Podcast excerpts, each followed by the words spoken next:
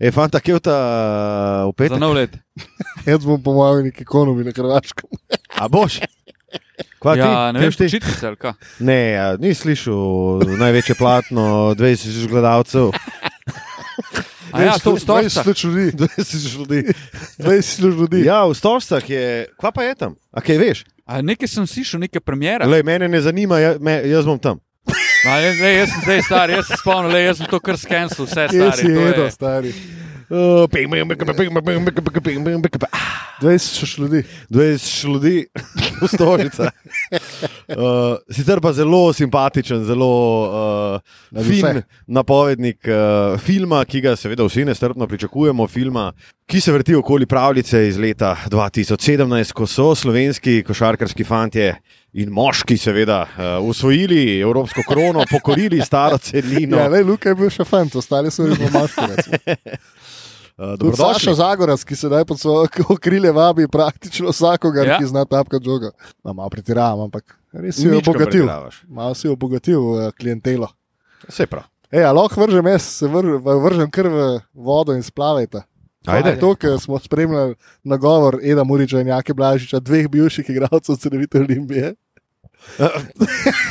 Mislim, trenutno nista člana CD-vite Olimpije. No. Osem igralcev ni, ki so bili v. A ima Olimpija sploh ekipo v tem Ne, trenutku? Ne, ne, nima, nima, nima. nima. Nima. No, mislim, da cela prva je Ja, ja, itek. brez pogodbe v tem trenutku. Še malo več. Sem, sem omladinci so Tako. vezani. Osem, osmim poteče pogodba. No, tako. tako da, ja, Še dobro, da je bilo 3-0 v finalu. Tako da zdaj bodo pa, zdaj bodo pa veš, takšne fantastične lokacije in klubi, kot so Bahče Šehir in Bujevček Meče. In, uh, Sam pa, če še jih kar mečete, ta denar okol. dobro, čeprav ja. Ja. ti si rekel, uh, oni se grejo pa resno v zgodbo. Vladimir Brozijanski.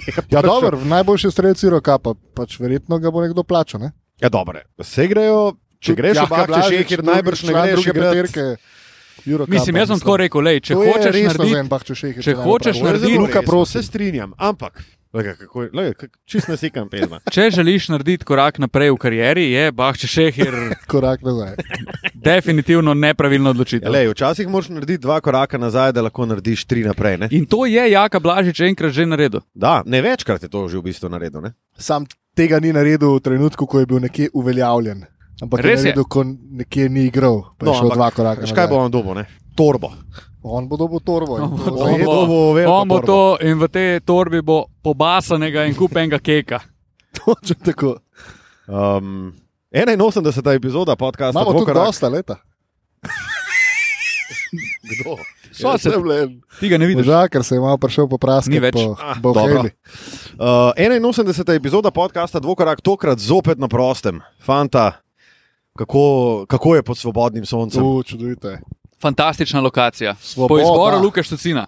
Danes smo na terasi stanovanske stavbe na Prulah, kjer eh, imamo na eni strani Ljubljanski grad, na drugi strani Golovec, na tretji strani se vidi Krim, spodaj teče Ljubljanica in uh, življenje je lepo. Po naših grlih pa pivo. Kaj bi si še želel, človek? Da ti ne bi štender razpadel, ko priješ domov. Ravno ko si jih hotel uh, izločiti, kot Ne, velik ravno ko sem uh, želel uvesti enega Matjaža Keka.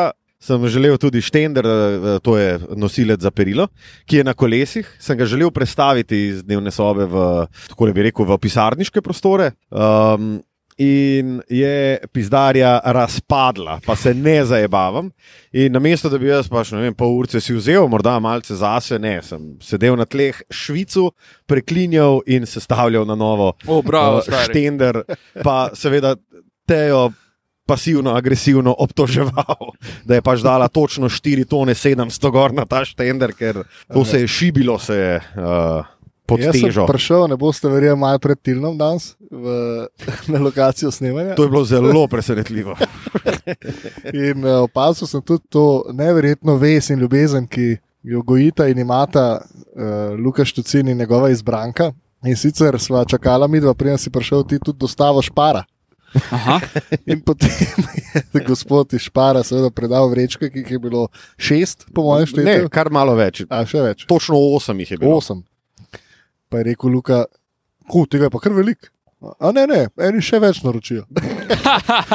In potem je seveda rekel, no, zdaj pa, kar vem, tole ni plačano. In sem rekel, ti eh, pa kar dobro poznaš tole vašo. Ne? Oziroma, ona tebe dobro pozna. Ja, ona mene res super pozna. Uh, točno vedela, ne, da bo sledilo kartično občevanje. ja, kartično poslovanje. Ne? Ona je vedela, da jaz ob štirih pridem domov. Ne? Teja ve, Oziroma kdaj pol iti. štirih. Ona je pa na masažici bila. Ne? Pa eno siračo ti zdaj kupila pri Kitajcu. Kako sta Brez fanta? majoneze. A, Kako Brez sta pa. Brez, ne, ne, mejo sirača je sicer vrhunska zadeva. Mejo sirača. Stari, to je vrhunska zadeva, ampak sirača, ta, uh, ko bi rekel, ta običajna, ta originalna sirača je pa tudi, bom rekel, tak distinktiven okus ima. Wow. Distinktiven, sem rekel, super. Uh, zelo prepoznaven okus ima in moram reči, da jaz, ki sem mal fan uh, pekočih in žgočih zadev, um, In okusov. razen naslednji dan, uh, je, je, je to definitivno eden izmed teh najbolj, ko bi rekel, popularnih go-to-jev. Ja. Kako sta fanta? Odlično. Malo utrujen od včerajšnjega basketa, ampak tudi zelo zadovoljno. Ja, seveda, da je zelo včerajšnjega zadovoljna. basketa. Včeraj smo pa odhakljali- Včeraj smo odhakljali šest iger. Uh, torej, uh, Matko, ti živiš v kateri postavi je bil Tilo, na kateri postavi sem bil jaz. Nista bila kar je Ne, nisem bila skup. In um, takole, šest smo jih odhakljali, šest smo jih pa tudi skadili, tako rekel. Pa predvidevam, ker te poznam, ste jih tudi šest izpil. Um, ne, v bistvu na igrišču smo bili dost, uh, Zelo konzervativni. Zelo konzervativni. Ja. Dobro. Jaz sem celo, jaz sem celo V pol bistvu- perčka sem dal v rože, v ciprese sem zlil. Ja. Zato, ker smo šli pol, slab, slash dober vpliv. ne, v lokal smo šli pol uh, gledat uh, Crveno zvezdo in Partizan, tretja tekma. In je bilo zelo zanimivo, zato ker se valjda usedemo v lokal in pač ko je, za 20 minut je tekma. Jaz pa bolj se tako zagledam v desni zgornji kot ekrana, kjer piše SK Fight.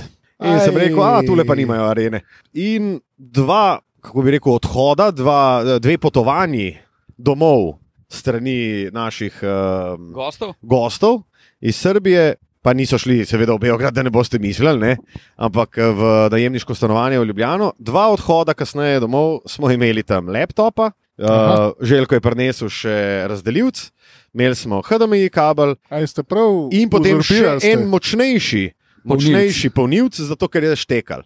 In smo med polčasom tudi to zrihtali. Lagano gostilno in zrihtali. Je bilo pa zelo, zelo zanimivo to, ker ravno ko sem jaz to opazil, šel noter kelnerci reči, hej, a imate to, okay, mislim, imate to prek neta ali imate to prav od, od Telemaha box, ne?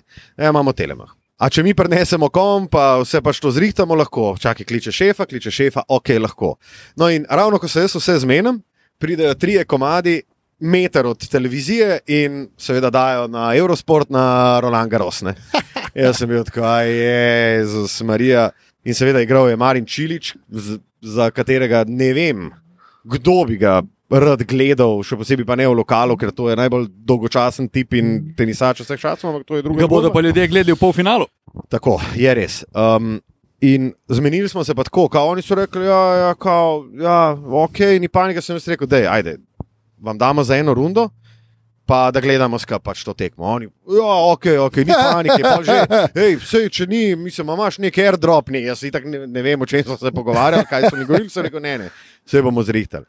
Uh, in na koncu smo dejansko zrihtali in gledali Hudo. uh, z navijači, oziroma, kako bi rekel, s privrženci. Privrženci. Ja. Uh, Partizana smo gledali to tekmo in uh, bilo je zelo, uh, kako bi rekel, zanimivo uh, spremljati v takšni družbi nekaj takšnega. Jedi govna. To je pa naučil. To si kar težko Ne, to je pa najbolj, ko se pogovarjaš o igralcih Partizana in je ta posameznik pohvaljen, no vse super, krasno, igra dobro, res, res. Superlativi o njemu, pride čez 30 sekund na črto prostih metov, prvega da ven, jedi govna.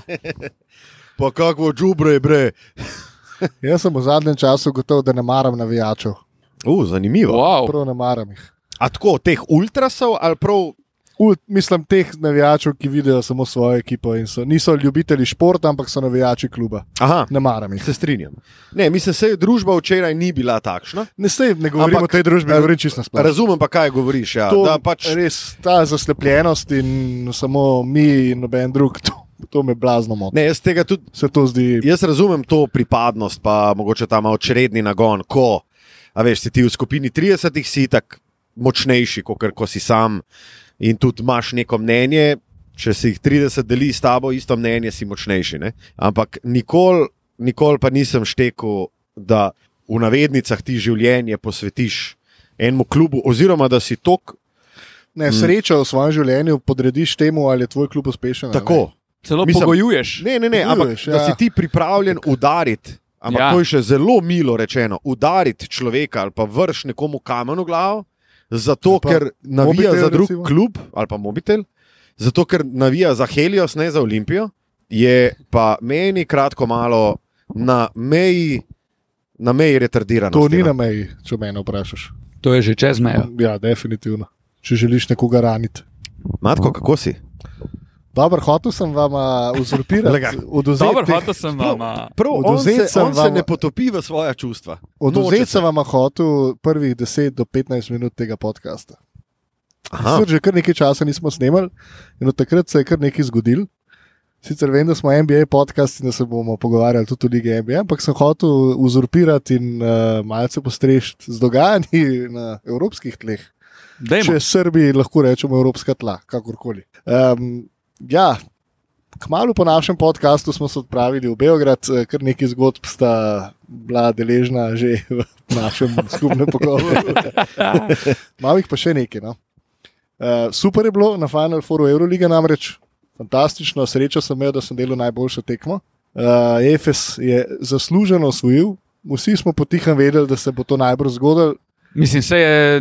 pa nekaj nas je bilo takih, ki smo si potihem želeli, da se ne bi. Pa se je. no, Se je gazda tudi rekel, jasno povedal. Gazda je povedal, We we, arrive champion." with thunderstorm, we leave thunderstorm. Tako je bilo in ta thunderstorm se je zgodil na enem izmed splavov, ker je bil tudi naš kolega Tilelo še.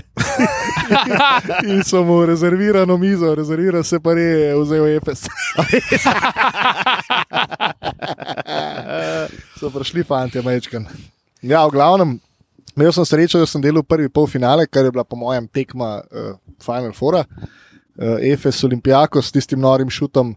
Miciča, eh, okoli katerega je bilo kar nekaj napisanega, pa zakaj ga niso dublirali, pa, pa se je tudi Mike James javil, celo serijo so mene dublirali na, na Switchih, ne, njega pa niso. Ok, uh, zato se je Olimpijako odločil, vem, ko je igral res dobro obrambo, bil na žogi, pravzaprav Micič je dal pač nor šut. Um, in všeč mi je bilo, z nami je bil Sašo Filipovski in tudi njega sem malo poprašal, pa nisem dobil definitivnega odgovora, ampak uh, Ergin Ataman, kar najbolj cenim pri njemu, je to, kako je on, kako tako dobro pozna svojo ekipo, da je rekel sam pri sebi, verjetno, ok, zdaj smo mi odigrali tri četrt sezone, bili smo ne najboljši in je sam rekel, nač, mi bomo to zmagali, mi smo najboljši. In s tem dal toliko pritiska na Miciča, Larkina in vse ostale, in očitno tudi toliko poznal, da je ta pritisk, ki bi na marsikoga vplival negativno, na njih vplival noro pozitivno. In ta šut Miciča, če me vprašaš, je tudi posledica tega, kar je on skozi delo. Mi bomo to tekmo dobili. Sploh ni debate. In ja, dobili so s tem norim šutom, uh, vice Olimpijakosu, da poleg Sluka je manjko še kakšen izkušen, vezenko še ni tam in je bil slab. Pol je laso pelil jasketa v š, malo šolo Malo košarke, šolo. to je bilo neverjetno. Jaske, ki smo ga vsi imeli zelo v čislih, je trenutno eden izmed trenerjev, ki si ga ne bi želel imeti. Kakšen overcoaching tekme je bil to, to je neverjetno. On je na vsakem nizu, ki ga je Barca naredila, prišla na plus 6, plus 8, menil 2-3 igralce, fuknil svojo ekipo iz ritma.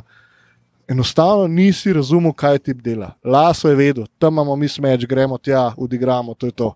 On pa kar neke komplicirane akcije, še uno, ki je Brines na koncu zadev, da so se približali v zaključku, je bila neka blazno kompleksna akcija, kjer so iskali trico, pa se na koncu dobil šut za dve. Ampak kva delaš? Basket je simpel, enostavna in lepa igra, on jo pa ubije in jaz mislim, da ubije tudi večino svojih igralcev. A je Jaske trenutno človek, ki kot eh, še skozi mlad trener išče neke standardne, oziroma te stare vzorce, ki temeljijo na veliko krika do svojih Pač igralcev in tako dalje. On je nek en podaljšek Željka Obradoviča. Ja. A je, to, a je on mogoče s svojim pristopom zgrešil čas, v katerem deluje? Ja, ker jaz mislim, je. da dan danes je. ti tak trener več ne moreš biti, ker te ljudje ne bodo upoštevali, oziroma bo to za njih enostavno too much, overload in ne bo šlo čez. Je, ker je bizarno, glede na to, kakšen igralec je bil on, ker je bil general na igrišču in podaljšana roka trenerja in razum, razume novo generacijo igralcev. In mi je bizarno, zakaj teh, tega svojega znanja ne unovči, ampak se zateka k Željku Obradoviču, skozi time-outi, skozi prekinjene igre. Edini te menjavi pa ne grejo v račun, dobro je Filipovski rekel, on je v prvi četrtini, ne vem, jih je igral 10 ali celo vseh 12. On, kdaj je da so se mogli vsi poštempljati, da vsi igrajo. Mislim, za koga? Najdeš sedem igralcev, s katerimi boš igral in igraš. Če me ne razumem, zakaj mora Roland Schmidt igrati, vem, zakaj mora Kajl Kjurič igrati izven forme, poleg tega, da ni odigral enega svoje, ene svoje klasične akcije z dvema pin-downoma, da pride ven na šut in si je niso odigrali v zadnjih treh mesecih. Enostavno ne razumem, kva on dela. In ni na vročem stavčku, bi rekel, je pa to make it or break it sezona za Šarasa v Barci. Ja, jaz mislim, da če on usvoji Endeso, da ostane mirno tam.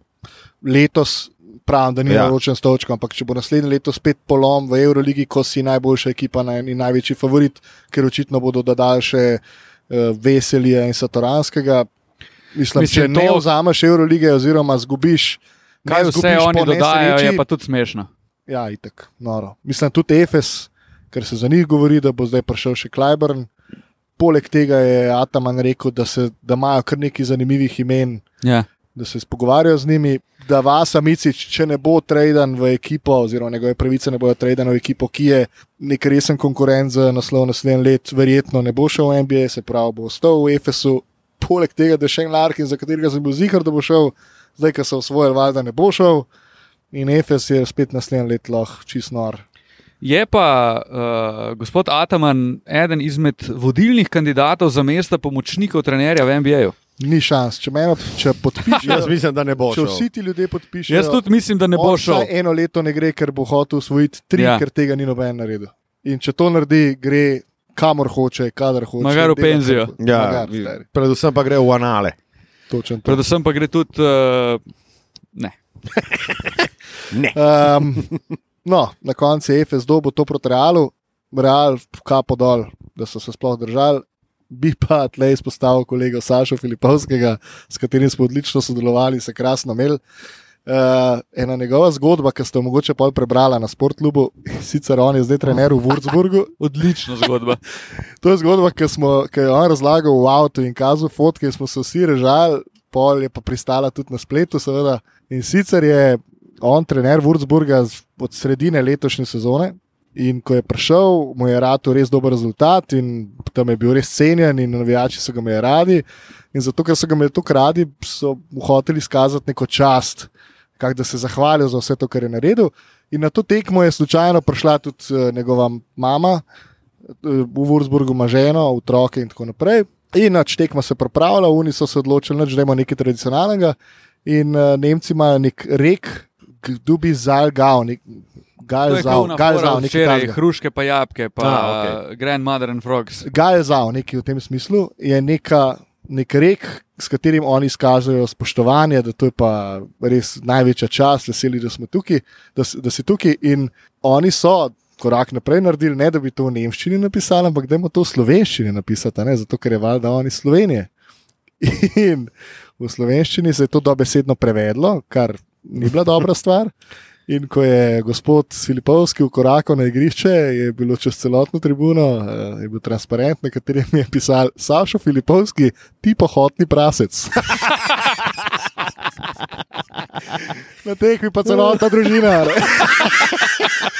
Je rekel, moja mama si je mislila, da sem nategnil vse bebe v Würzburgu. V glavnem, ja, zelo, zelo zabavna zgodba. Tudi Sašo je zelo, zelo zabaven, eh, zelo zabaven sogovornik. In tole je bilo, tole je bilo res super. V tem obdobju eh, nadaljujem za Evropo. Žalgiris je izpadel prvič v zgodovini Litve v polfinalu in finala ne igra. V finalu Lietkabelisi. Je pa v tem finalu včeraj ne na čanek. Ne na čanek poskrbel za. Lietkabelisa je naredil pizdarijo. Um, Podaril nasprotnikovega trenerja in se močno skregal še z lastnikom Ritasa. Oh, super. Um, tam, ne vem, če si gledal, so, v zadnji so le navijačice. Ja, ja, kar stekle, malo so tako malo hitajoče, so stekle stran, so se malo strašile. Um, še nekaj sem hotel povedati, no pa se ni važen.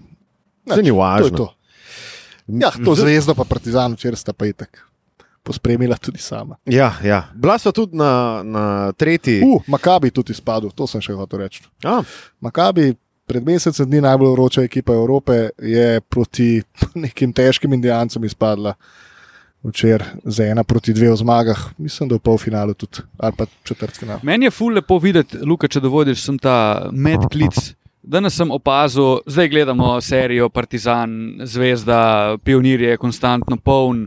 Uh, gledali smo serijo Zvezda, Olimpija, Stožice so bile polne. Danes vidim tribune na tekmi Galatasaray, Anadolu, Efes, absolutno polne tribune. In to me v bistvu navdušuje, da je na državnih prvenstvih tak zagon za tudi navijaštvo. In ja, to je meni super. Ker, je, ker so to veliki derbine.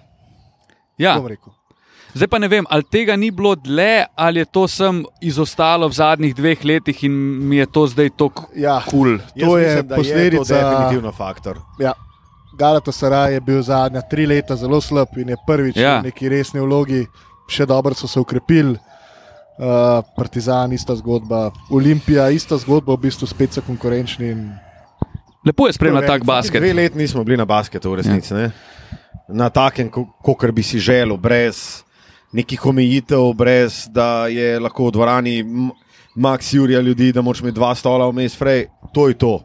Pač folk, že jaz, pa lahko rečem, da nisem full pristaš tega, da hodim na tekme pa sem jaz že bil tako, da pejmo, pejmo na tekmo.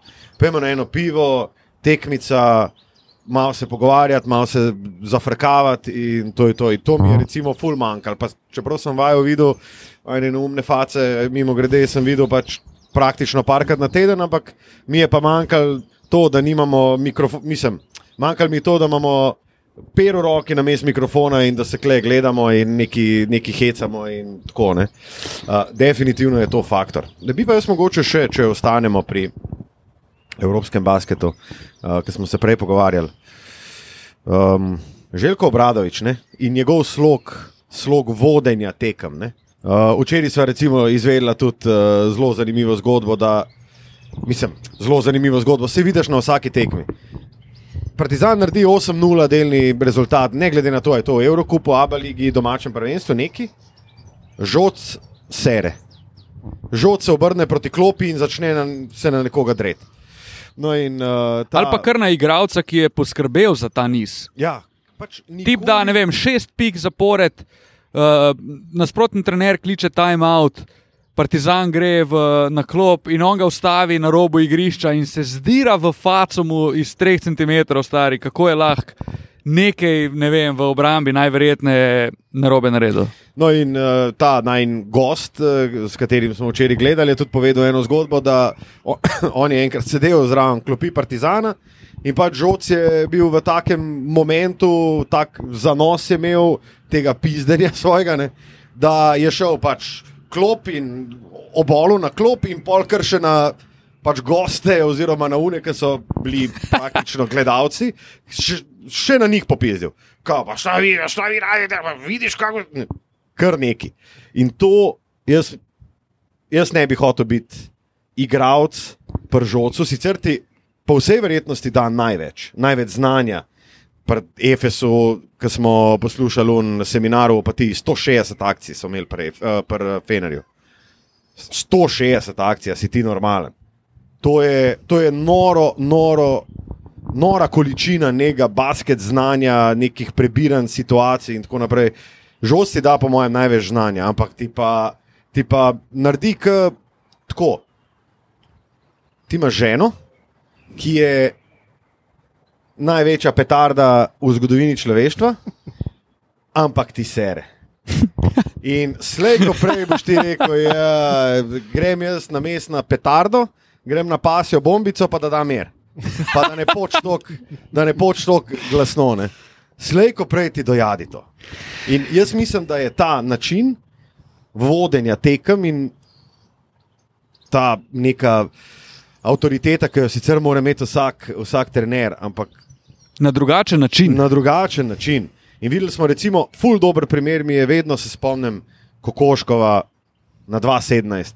On je bil. on je Najbolj bil miren človek vseh časov. stari. Miren, on je vedel, da fanti vejo, da so dosti dobri, da dvignejo kanto. Igrali so noro hodo, na treningu so naredili vse, kar so lahko naredili, in on je vedel, da so prišli opremljeni na tekmo in da, po, če gre vse v redu, to tekmo morajo dobiti. Pržocu je pa tako, ko je vse v redu, ko tudi igrajo vse v redu, neki ni v redu. In to je recimo tudi nekaj, kar je po mojem jaske vzel od žoca. Sam to, da si žoc to lahko prvoš, jaz, ki si pa tega mislim, da še ne more prvošati.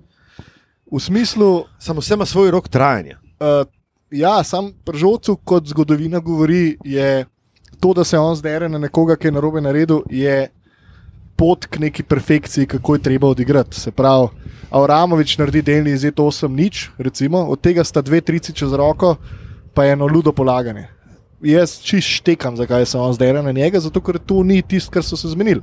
In to ni, traj, to ni trajnostno, to je nek niz, ki ga narediš na, vse, na vsaki. To je stvar navdiha. Ampak on pa hoče, le, tle imamo mi smeč, odigraj mi smeč. Karkoli se že pač dogovorijo, odigraj.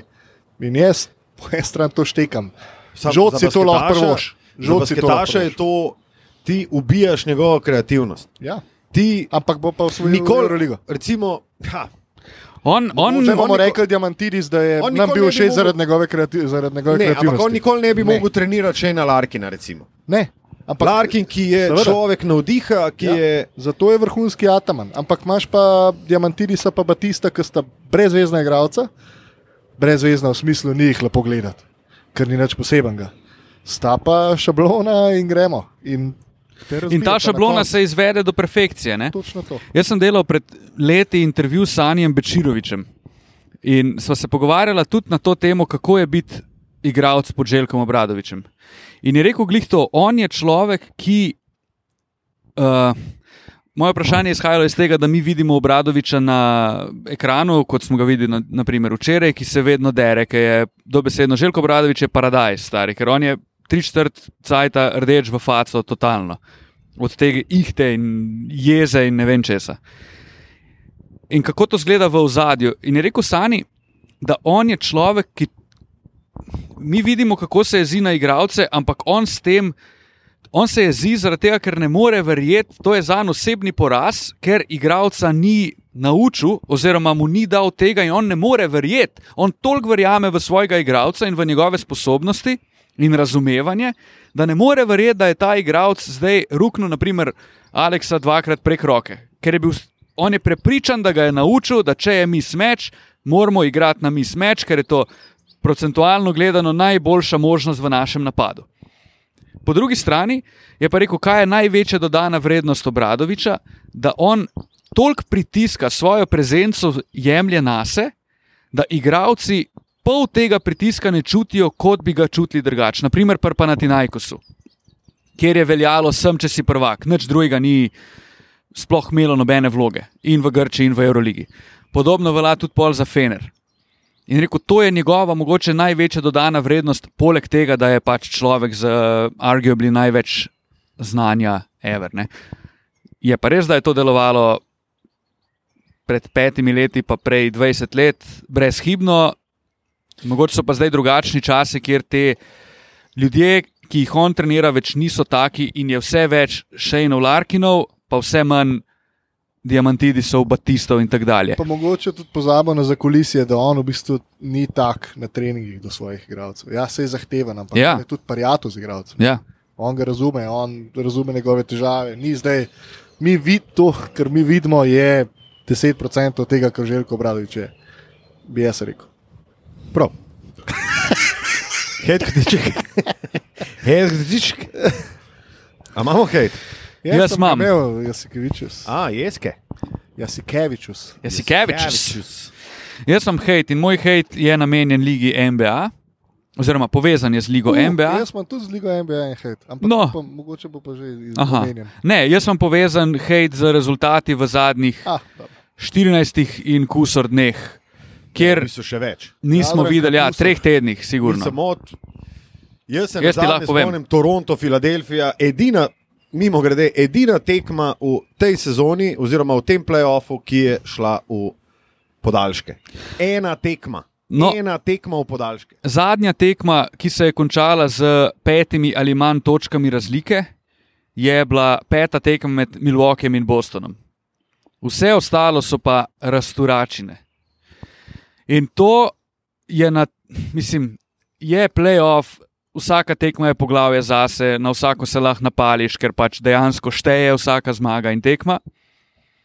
Ampak, ko pa delaš tri tedne tekme, pa gledaš tekme, ki se ne končajo z niti približno napeto končnico, je pa to kar malo dosadno že. No. Mhm.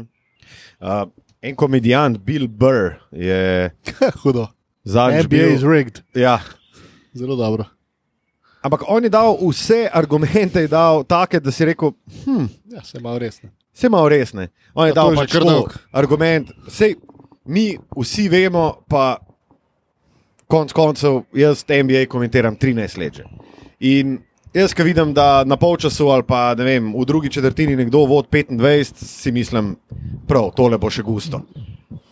V veliki večini primerov je gusto. Zelo malkrat se zgodi, da ni. In kje, kje je ta preskok, da eni izgubljajo za 25 in po, pol pridejo na minus 2, kje, kje je ta ločnica? In on je rekel, pač, ko, kao, jaz mislim, da je to rikt. Da pač, le, mora biti zanimiv polčas, je mm, 25 lufta, to ni dobro. To ni dobro za tekmo, za gledano, za noč. ne. Oh, Gosti, gosti Oziroma, prinesli gost, ja, gost, ja. Oprema. Jaz sem pa že mislil, da bom že ta tretjega in bom s tem vama. Zamoril live. Ja, Matko, zato pa jaz razmišljam. Jaz sem eno potezo sprejel. Wow. Wow. Tako kot je bil Bobby Fischer v svojih najboljših časih, eh, na šahovnici. ja, ta Bill Burr moment, malo štek, štekamo vsi, se mi zdi včasih. Mislim, pa noben ni imel problema s tem, da je 13 let bilo, da je bil ta, kaj je bil Donaj, ki je bil pač prodan sodnik. Ki- ga je, mislim, kva? Kaj se je zgodilo potem? Ja, pač model je šel v čuzo, dobo neko kazen. Več Itak je- razga v bistvu. Itak je bil povezan uh, z Šel na- mafijo in to je bilo to. Šel je na 100 podcastov, to se je zgodilo. Pa napisal je knjigo, ki je bila bestseller. Ja. A veš, kaj meni tudi ni jasen? Kako je možno, da imaš ti primer Dallas Phoenix? Ali pa še boljši primer je v resnici Miami Boston. Serija gre v sedem in ti imaš. Dobesedno se ekipi izmenjujeta na vsaki tekmi, na vsaki drugi tekmi je en boljši za 30. Kako si ti lahko danes od nekoga Ja, ja, ja, boljši 30 pik in po jutrišnjem spet igrate in je un drug boljši za 30 in pol čez dva dneva spet priješ igraš v gosteh tekmo in ti si boljši za 30. In pol na četrti tekmi je spet un boljši za 30. In dobesedno take razlike. To je, mislim, to tudi meni ni jasno. Ker razumem, da je pač neka prilagoditev. Pač zgubiš tekmo za 30, se prilagodiš, ampak zakaj je razlika v bistvu kar naenkrat 60 Ja. med dvema tekmama? To je, to je zagonetka, bi jaz temu rekel. Upam, da jo bomo rešili v finalu in da ne bo tako. Znal bi se zgoditi. Glede na to, da imamo dve najboljši ekipi z defenzivnim ratingom, sicer ena ekipa, ki malo bolj napadalno odstopa, Golden State, sem mislil, kle, ne, če nisem mogel. A res? Danes sem poslušal, se, se- Ryana Rosila sem poslušal danes. Jaz bi se sam še toliko navezal na. A si poslušal to? Ne, nisem. Um, všeč so mi ti njegovi monologi, 15 minut so mi ful Meni tudi. Meni tudi. hudi. Navezal bi se še malo na finale konferenc in sicer v smislu nagrad, ki smo jih Aha. spoznali v letu Moj hejt. 2022. Oh, No, hvala, deliva si lahko ta hate, ker tudi. Zakaj? Zakaj? Um, edina stvar, ki mi je všeč pri tej nagradi, oprosti Tilen, je ta, da so jo upeljali po Lebronu Jamesu, ker bi se njegovi fanboji zdaj javljali z osmimi eh, A ja, oh. v finalu vzhodne konference, tako se je pa ne morejo. Da To mi je super. Drugače mi je pa to čist, čist, čist brez veze, stari. Zakaj? noben ga sploh ni zanimal. Ja, zaradi tega, da lahko zdaj še. Da je to še ena memorabilija več v vitrinah igralcev. Da, je to, da, ne vem, to je kar nekaj, rekel, stari. Je to, da bi dobil nagrado, zato ker si prišel v polfinale Garo- Garosa. Ja, ja, pač brez veze. Ne, to ne, je ne rabaš tega. potpuno brez veze. Tako. to, No, da ti, je sorry, to, da ti podeliš nagrado, oziroma da dobi pokal ekipa, ki je prvak vzhodne konference, razumem. Pač ti si en, pol lige si kao osvojil. Zakaj bi dajal MVP-je? Zato, ker je Larry Bird pa Magic Johnson. Pa, ne. Prav. To je, okay. se je dogajalo 30 let nazaj, Prav. dajte mi mir. Um, no, in moj hate, jaz se bom v bistvu uh, sam podaljšal. Ga bom. Daj ga. In sicer, seveda, z nagrado za najkoristnejšega košarkarja vzhodne konference, Jason Tatum. Uh, in tista seveda, Oh, oh, ikonična. O moj bog, stari moj, dajmo, no, mir, stari. Oh. Prepovedati social medije. tem Najboljši je pa un reply pol. Golden State in Five. Golden State in Five je pa nekaj. Stari moj, vem, se je javil, hvala lepa. Ej, mislim, tako je. Una fotka je, To je too on much. Kobe 2.0, kar ni. Uh, Pa sedmič v svojo drugo, ligo. kot drugo, ja, sedmič osvojil, pa sfukan, tako kot je bil Jordan. Um, tretje kot tretje, pogovarjamo se o MVP-ju vzhodne konference. Uh, četrto kot četrto, slika postavljena, kot da je tip pokoril košarkarski svet, tretje kot tretje pa kdo naredi, kdo naredi screen grab oziroma screenshot svojega telefona, da Kobeju pred tekmo pošle kao aj gačijo. Kaj? Ne, ne kaj. Kaj? Pa zakaj? Kaj ti delaš v svojem življenju, stari? E, ful je bilo dobro, oprosti, te bom spet eh, prekinil. No, vse mislim, da si se izpel. Ma, ma, Vse ni kaj komentirati, saj to je pač sam butast. Um, dobro je rekel, pa ne vem kdo, vsi ti igravci, ala Jason Tatum, Trey Young in tako naprej, pa Tatum mogoče zdaj v tem trenutku ni najboljši primer, ampak vsi ti, ki so nove zvezde lige NBA, niso naslednji Michael Jordan, pa naslednji LeBron James, pa tako naprej. Jaz sem rekel, fanti, dajte najprej, pri mladih letih, dajte najprej usvojiti mesto v najboljši obrambni peterki, pol se pa začne. Ne, da ste vi zdaj najboljši skorer, najboljši ne vem kaj, najboljši šuter. Lepo, korak za korak. Ker to, to so stvari, ki so včasih malo spregledane. So ti fantje kar dolg časa harali, najprej v obrambi, pol so pa dobili ključe in delali to, kar so delali. no, mislim pa, sej, če ne drugega.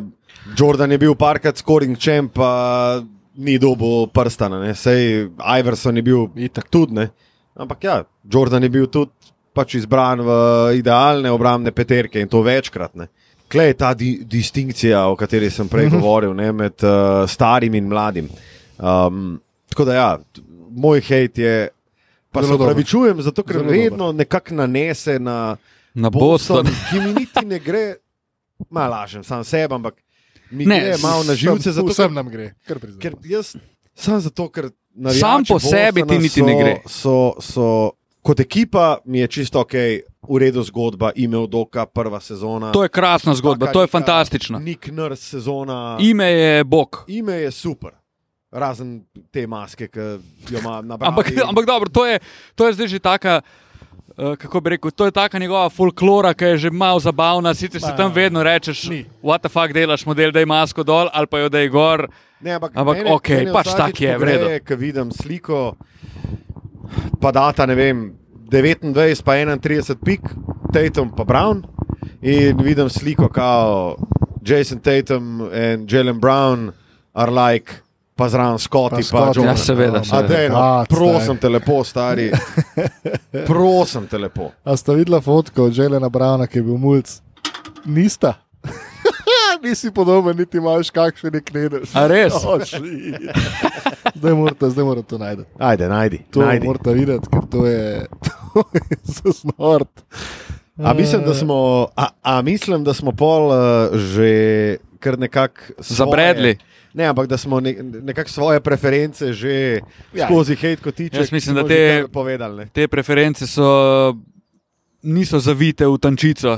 Torej bomo kar vsi malo uh, stisnili Subjektivni. pesti. Da. Mislim, Ne, ne. definitivno. Mislim, jaz sem tako rekel, meni je zgodba Bostona A se letos. veseliš te prve finalne tekme, ki jo že delo? Vse, vse. A sem ravno kar zvedel, da jo bom delal sam. Da. Dobro, Odločitev je padla, dame in gospodje. toliko da vem.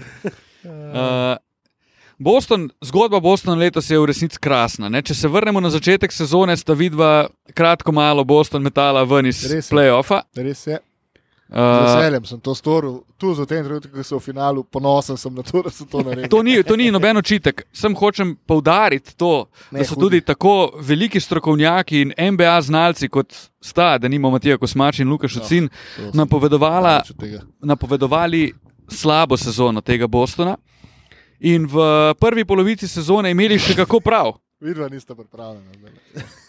Po se je pa Ne, zadeva, po se je pa zadeva drastično. Ja, ful, ful, ful sta imela prav. Dej, poglej samo to foto. Prijatelj! Stari, je to fucking možen. Ampak ne, če tej faci daš brado, kot jo nosi zdaj, ja. si blizu. Jaz bi rekel, da če bi se, ej, ne, po moje, če bi se on, če bi se on obril, če bi se on obril, bi bil podoben temu. Le to, no. Jaz predlagam eno peticijo, da se Jalen obrije. Pa da vidimo. Tako, kot se je Harden, pa smo se režali, pa da smo še enkrat. Oprost, prekinil sem. Dober, sam Eh, Harden ima, njegov problem je še nekje drugje. Ne? Ja, domine, kakšne. Domine ima pa razmetane. Ker je nekaj nastrelil. not. Domine. Jezus Marija. ej. Um, Ja, ta turnaround sred sezone je nekaj. Je nor, ne? Hudo. In kar se, ker to se je zgodilo brez drastičnega posega v kader. Derek White je prišel kot nek backup, enka, dvojka, whatever, odigral under the radar zelo dobro obrambo proti Miamiju. Okay, ja.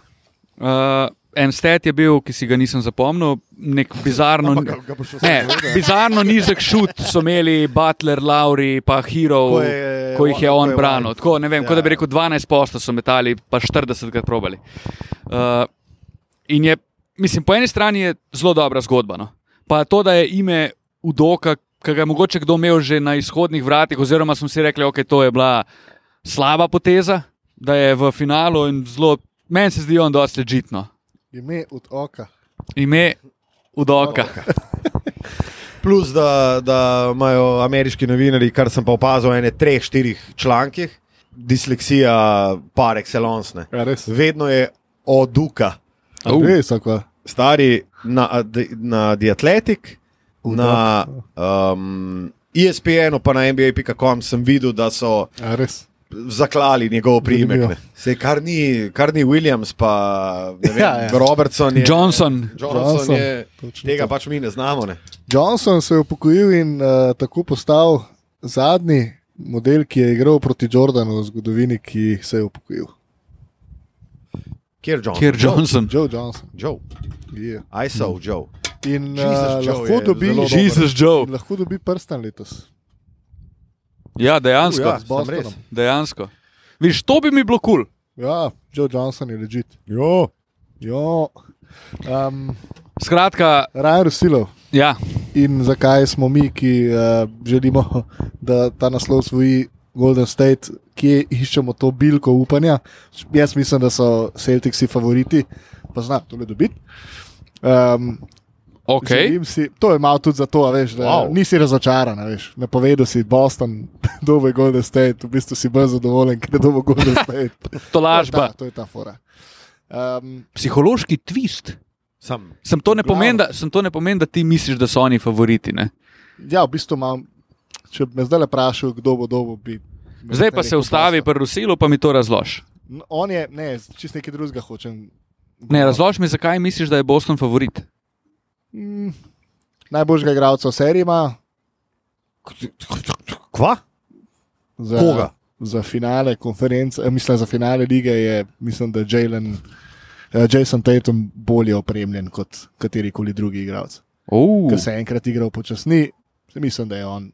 Ampak, a rešitev, ti misliš, da se- misliš, da se Kjer igra- ima Golden State prednost, to sem hotel pa zdaj povedati, je pa to, da se Boston proti vsem ekipam, ki je zdaj igral, ni imel, vedno je imel uno, kako tega modela ustaviti in s tem ustaviš del ekipe, se pravi, pa je bil to Janis, pa je bil to zdaj recimo Butler. Zdaj imajo pa končno eno ekipo na drugi strani, ki igra čisto drugačen basket in je potrpežljiva in išče prostega igralca, in štiri od petih ti jo lahko dajo, in bojo imeli verjetno večji problem najti rešitev v obrambi, kako ustaviti ta Golden State. Meni se pa zdi Jason Tatum najboljši igralec te serije, to pa se strinjam. Steph Curry je moj najljubši igralec, se mi zdi pa Jason v tem momentu boljši. O, velike pohvale za Jasona Tatuma. Mislim, jaz, Ki je jaz vrhunski igralec, ne me narobe razumeti. V tej seriji najboljši igralec Steph Curry. Sicer vsi vemo, da Steph Curry v finalih lige pač nima še MVP-ja finala. Ima tudi par dolgov. Ima tudi par dolgov, vedno mu malo šut pade, dobro se ponovadi ekipe na njega pripravijo. No? Mogoče malo ta nenaklonjenost do zelenega dela vzhodne obale govori iz mene, ampak jaz ne morem reči, da je Jason Tatum igrač te serije. Res ne morem. In izključno zaradi enega razloga, in to je nekonsistentnost, ker on lahko na eni tekmi da 6, na drugi tekmi da pa 40 kar se mi zdi, da bo tudi največji problem za Boston v finalni seriji, in tudi zaradi tega mislim, da bo Golden State to serijo dobil. In ne bom presenečen, če bo Golden State to serijo dobil presenetljivo gladko. Ho, iz tvojih ust. Tja gor. 4-0 Golden State. A to je. To je moja napoved. A res, ti Ma ja. je hudo. Ma skos nekaj tam 4-2, to neke računice, ima 4-0 pa čau. 4-0 pa adijo, lepo se majte. Počitnice, Hvala, stari. Bo, bomo malo podkrepili uh, A z argumenti? Mislim, jaz nimam nobenega argumenta za 4-0. Ne, sega, sej, to je. Ne, ti si to je svoj argument utopično. povedal, zakaj je 4-0. Ampak um, Golden State je nepremagan doma v tej končnici. Na eni strani imaš ekipo, ki praktično ne more izgubiti doma, na drugi strani imaš ekipo, ki je dobila največ tekem v gosteh v tej sezoni. Če ne drugega, so dobili tekmo številka 7 v gosteh proti Miamiju, dobili tekmo številka 7 proti Milwaukeeju, sicer doma. Um, Boston je sila, sila neugodna ekipa. Je. Uh, jaz mislim, da bo ful, ful odvisno, kar nisem mislil nikoli v življenju, da bom rekel, da bo ta serija odvisna od Markoša Smarta. Ampak on več kot očitno ni 100 posto, tudi spustil je par tekem v končnici in ko je on spustil tekmo, je Boston razpadel kot Sovjetska zveza. Ono žalostno in neslavno. Uh, in Markus Smart, če bodo njegove mišice zdržale, ima Boston fair chance, po mojem mnenju. Kar mi je pa recimo podatek, ki me najbolj navdaja z nekim prepričanjem, da bo Golden State dubo, je pa Golden State je v tem playoffu v zadnjih četrtinah dosegel 96 pik več kot nasprotniki. Oni imajo eno čist drugo dimenzijo, ko je na uri samo še 12, ko piše 4,4, je to čist druga zver. In jaz mislim, da z Draymondom, takim Draymondom, ki ga vidimo, ki praktično ne vpliva statistično na igro, ampak ima največji vpliv v bistvu na igro, imaš Kleja, ki bo mogel, ki bo mogel odigrati fantastično serijo, tega se vsi zavedamo. Imaš Stef 2.0 v Jordanu Pulu in ko Jordan Pool zamenja um, Kevona Lunija v peterki, ima na 100 posesti Golden State 20 pik lufta. To je, oni imajo tok, oni imajo tok veliko torbo, iz katere lahko vlečejo, da S tem, da je Kevon Luni odigral fantastično serijo Ja, proti Kevon Dallasu. Looney je bil po prvih treh tekmah mirno lahko tudi MVP, um, Magic Johnson, recipient, ker je odigral fantastično serijo. In to, to je recimo meni en full velik poklon Stevu Kerone. In ono je isto za Wigginsa. Wiggins, stari, ki je kar naenkrat rado two-way player. Kdaj se je to zgodilo? On v Minnesoti ni mogel braniti moje bake, stari. Ne, res ni mogel. Ampak Steve, kar je rekel, le, on je bil pač v narobnem okolju, v nepravem cajtu. Na, na, nan, se je, nan se je dal cel prešer Minnesotine organizacije, ti si prvi pik, ideš, popelješ naš, ti si Lebron. Kar je rekel, to je misija, ne, misija nemogoče za 99,9 odstotka igralcev, ki pridejo v ligo. Le, kar je rekel. Ampak um, na eni strani, sam to, da, da končam ta monolog, na eni strani Boston bo zelo odvisen od Markoša Smarta in od konstantnosti, oziroma od dobrih kontinuitete Jasona Tatuma, na drugi strani pa mislim, da bo igrač serije, ki bo Factor X, ker vsi vemo, da je bo dal svoje, Thompson bo dal svoje, Draymond bo delal svoje, je pa Andrew Wiggins. Andrew Wiggins je pazil na najboljše basketaše. Jaz sem mislil, Čeprav nisi verjel, Luka, nisi verjel. ne, bil sem prepričan, da bo, da bo Draymond pazil na, na, na Luko. Ha, Poslušaj, le, imaš dva mojstra. je bil Andrew Wiggins in Andrew Wiggins je Le, tle imaš le. več kot očitno, tudi rezultati pravijo, Vprašajte. svoje delo. Če te, bo, če, boš, če te kdaj kaj zanima, Luka, o NBA-ju, kar Vprašaj. naj vpraš. Drugač smo tle blizu, Ja. telefonsko se po- imaš. Zato se pogovarjam z vami. To si zelo argumentirano in zelo dobro ja, ja, pojasnil. Bil je številke, ja. vse to, Luka. Jaz bi, Nisi le sestavljal štendra, temveč tudi malce pogledoval na Bleacher Report. moja teorija, Kako me je obživce, sorry, kako me je obživce spravil štender? Jaz sem ta štender metal, stari po tleh, res. Tok sem bil razpizden. Se pravi, čujem za ta med klic. moja teorija za Golden State izhaja iz tega, da, da sem naredil celo serijo med Golden Stateom in Dallasom, spremljal poglobljeno uh, Golden State in se mi zdi, da v seriji proti Bostonu karkoli Bostonu zmanjka, naj bo to slab dan, naj bo to poškodba, ki terja odsotnost ali krajšo minutažo, whatever. Boston zelo težko to nadoknadi. Manjka smart, sam si povedal, kaj se zgodi. Manjka Al Horford, težave. Da ne govorimo, če manjka Tatum ali pa Jalen Brown. Na drugi strani pa se mi zdi, da pri Golden Stateu, zaradi njihovega načina igre, ki je isti, če pride fucking Nemanja Bjelica noter, pa Damian Lee, pa Juan Toscano Anderson, pa Otto Porter, pa Steph Curry, Jordan Poole, Andrew Wiggins, oni skozi igrajo identičen oziroma zelo podoben basket. In oni zlahka nadoknadijo nek manjko. E- Enega nerazpoloženega igralca oni zlahka skrijejo. In v seriji, v, v finalu, je to ful pomembno in se mi zdi, da zaradi tega imajo največjo prednost. Poleg očitne prednosti, o kateri govorimo zdaj že nekaj časa, in to je ta šampionski pedigre, ki ga pa Golden State letos kaže na tak način, ko ne vem, kdaj je na zadnje ekipa ga kazala. Ker niso, imajo fantastične igralce, Steph Curry je bog, najboljši šuter vseh časov. Ampak še skozi se mi v Golden Stateu vedno znova pogovarjamo kot o ekipi. Kar potrjuje, naprimer, to, da si rekel, da je Jason Tatum najboljši posameznik v tej seriji. In ekipo težje zmagaš. Hotel bi reči, da je največja prednost Bostona obramba, ampak Golden State ima drugo najboljšo obrambo. V ligi videli smo, kaj so naredili z Lukatom. Prepričan sem, da je zdaj so imeli oni skoraj Deset dni. de- sedem dni, en teden časa na pripravo, igrajo tekmo, končali so doma, prvi dve tekmi igrajo doma, spočili so se, uh, zacelili so svoje rane, če so te obstajale, Bojda, Porter, Igudala, Peyton, naj bi bili slejko prej vsi na voljo. In, vem, se mi zdi, da gre z dob, dosti dobro oborožen Golden State v to serijo, da premaga Boston. Mislim, da je kle tudi uh, en faktor zelo pomemben, da je prednost domačega terena klele v tej seriji zlata vredna, ne glede na to, kar je Boston delal že v gosteh.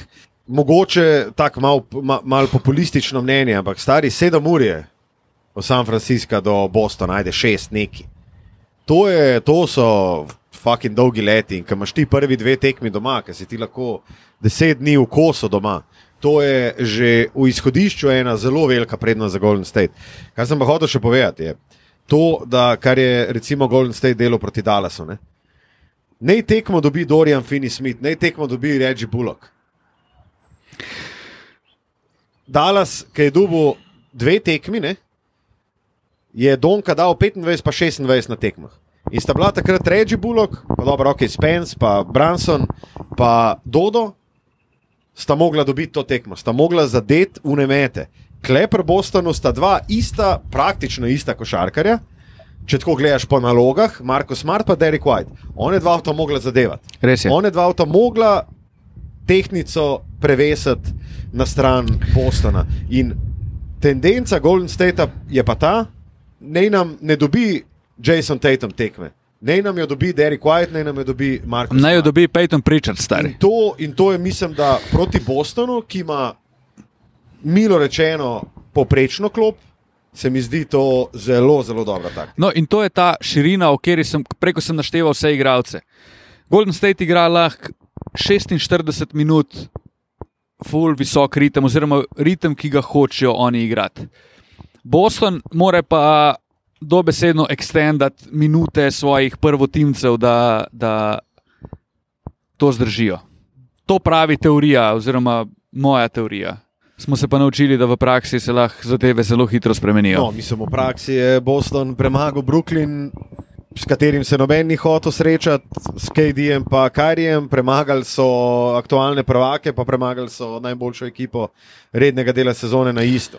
Se pravi, oni so imeli daleč, daleč, daleč najtežjo pot Da. do finala. In kle, kle pa jaz vidim, kako lahko Boston preseneti. Ker so pa fanti trdovratni v tri božje rože. Eh, Prepričala ste me, da bo Golden State to serijo dobil, zato napovedujem 4-2 za Boston in bom na koncu zadovoljen. Au, štir dve V za vsakem Boston. primeru bom zadovoljen. Evo, stari, zdaj, ej, zdaj, ko sem. Ne, til, mi smo zdaj. Til.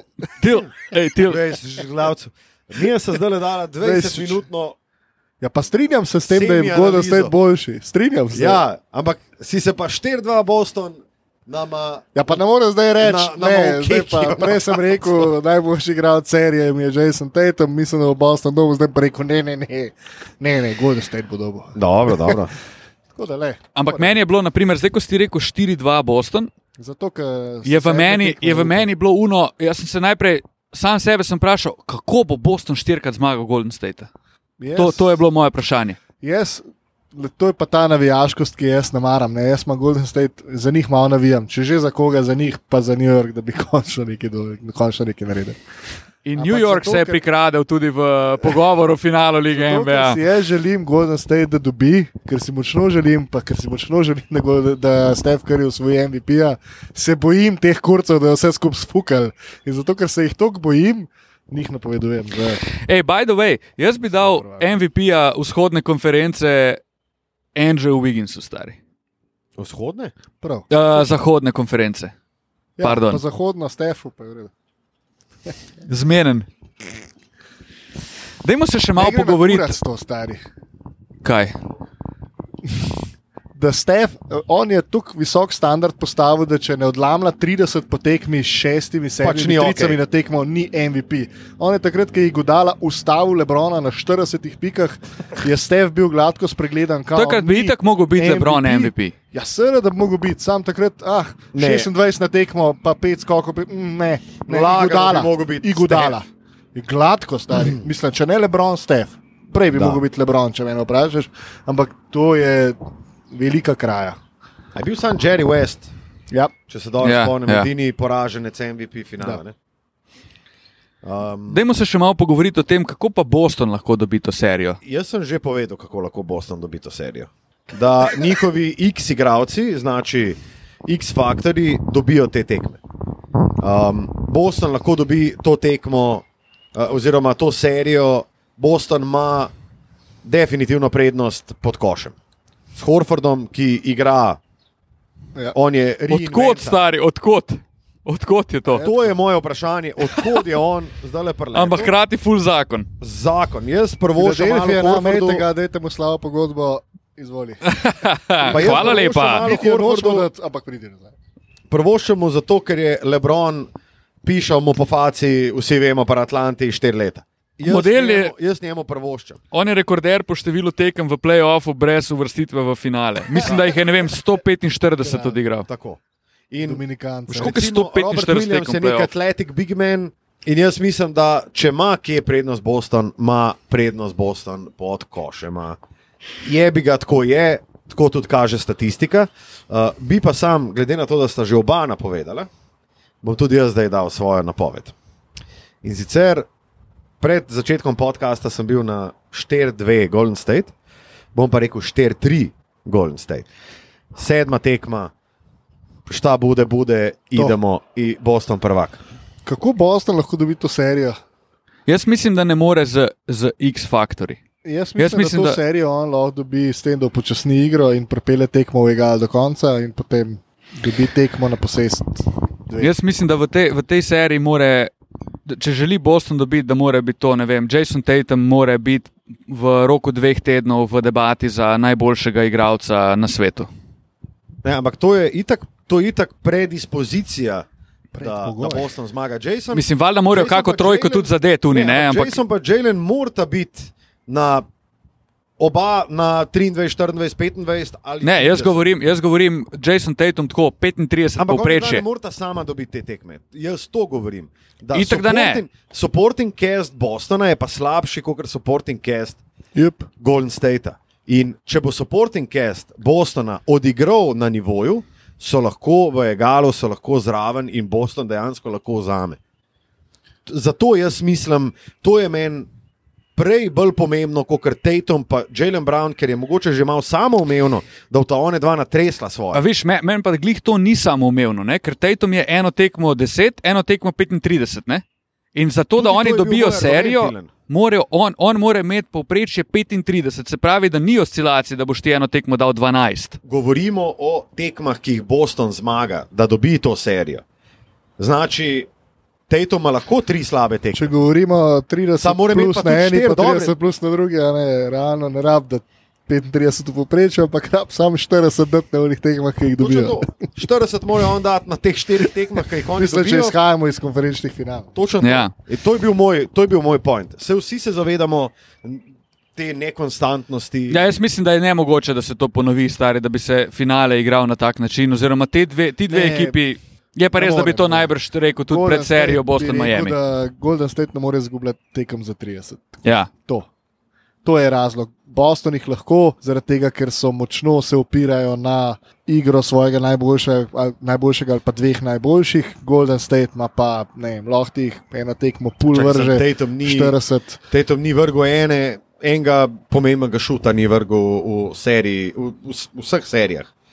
On je človek, ki je neviden v zaključku. Ko govorimo o, se, o tekmah, ki so se zaključovale Ne vem, pet pik Ja, razlike v zadnjih dveh minutah. Playoffa, recimo, je, je odločil, ne, ampak pustimo te malenkosti. Um, Govorim, da on ne dobi žoge, ko bi jo mogel dobiti. Tega Jordan, recimo, nikoli ne bi naredil, tega Kobe nikoli ne, ne bi naredil. Ampak zdaj se pogovarjamo, da je on v istem rangu Ne, ampak Kobe pa govorimo Jordan. o tem, da dobiš ti šampionski prst.